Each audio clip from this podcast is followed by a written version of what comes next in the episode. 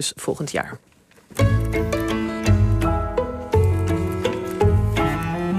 De column van Sana Valjulina.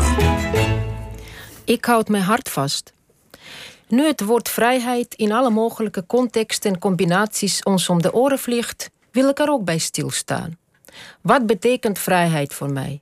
Terug naar mijn jeugd, in het meest vrije land ter wereld, de Sovjet-Unie. Nergens kan men zo vrij ademen als in ons vaderland. Dat waren regels uit een lied dat we op school zongen.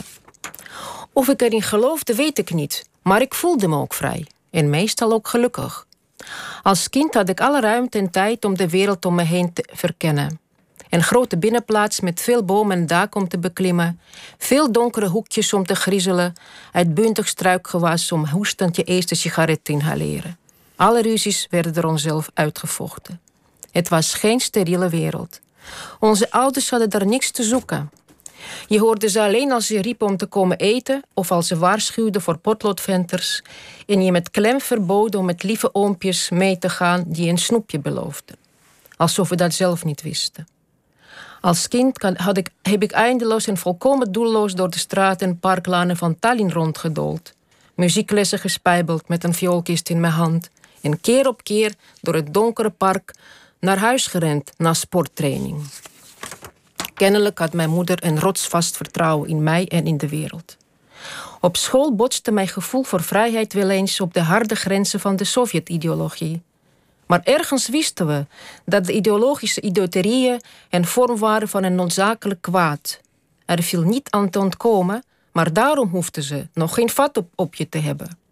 Het beste tegengif waren de boeken. Ik weet zeker dat Niels Holgerssons wonderbare reis, De Kleine Prins en later The Catch in the Rye meer aan mijn vrijheidsbesef hebben bijgedragen dan welke vurige redenvoering over vrijheid en democratie dat ooit zou hebben kunnen doen.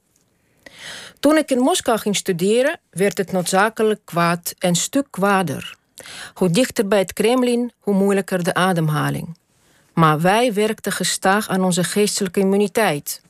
De mantra van de staat, als er maar geen oorlog komt, weigerden we te slikken.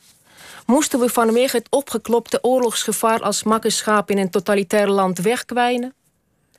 Aan de Sovjetperiode van mijn leven heb ik een handicap overgehouden. Overgevoeligheid van mijn zesde zintuig voor al te mooi vrijheidsretoriek van de machthebbers. Mijn hypertrofische zesde zintuig weet beter dan mijn brein dat the road to hell is paved with good intentions. Ik ervoer het als een groot wonder dat in zo'n kikkerlandje als Nederland, met zoveel mensen op een kluitje aarde, zo vrij kon ademen. In Nederland heb ik ook begrepen wat de Georgisch-Russische filosoof Mirab Mamardashvili bedoelde toen hij zei dat democratie een kunstmatige constructie was, omdat die recht tegen de wetten der natuur ging, namelijk tegen het recht van de sterkste dat democratie door ons in het hier en nu telkens weer opnieuw uitgevonden moest worden. En dat democratische instituties zonder deze constante inspanning geen garantie konden zijn voor vrijheid. Sinds enige tijd stokt mijn ademhaling, regelmatig. Gelukkig niet door het vermaledijde virus. Er is iets gaande wat mijn zesde zintuig in verwarring brengt en ook angst inboezemt. Ik houd mijn hart vast. Ja, Sana, dankjewel. Uh, we praten zo dadelijk met je verder over de documentaire die mhm. jullie hebben gemaakt. Uh, en gisteren op het ITVA in première ging. OVT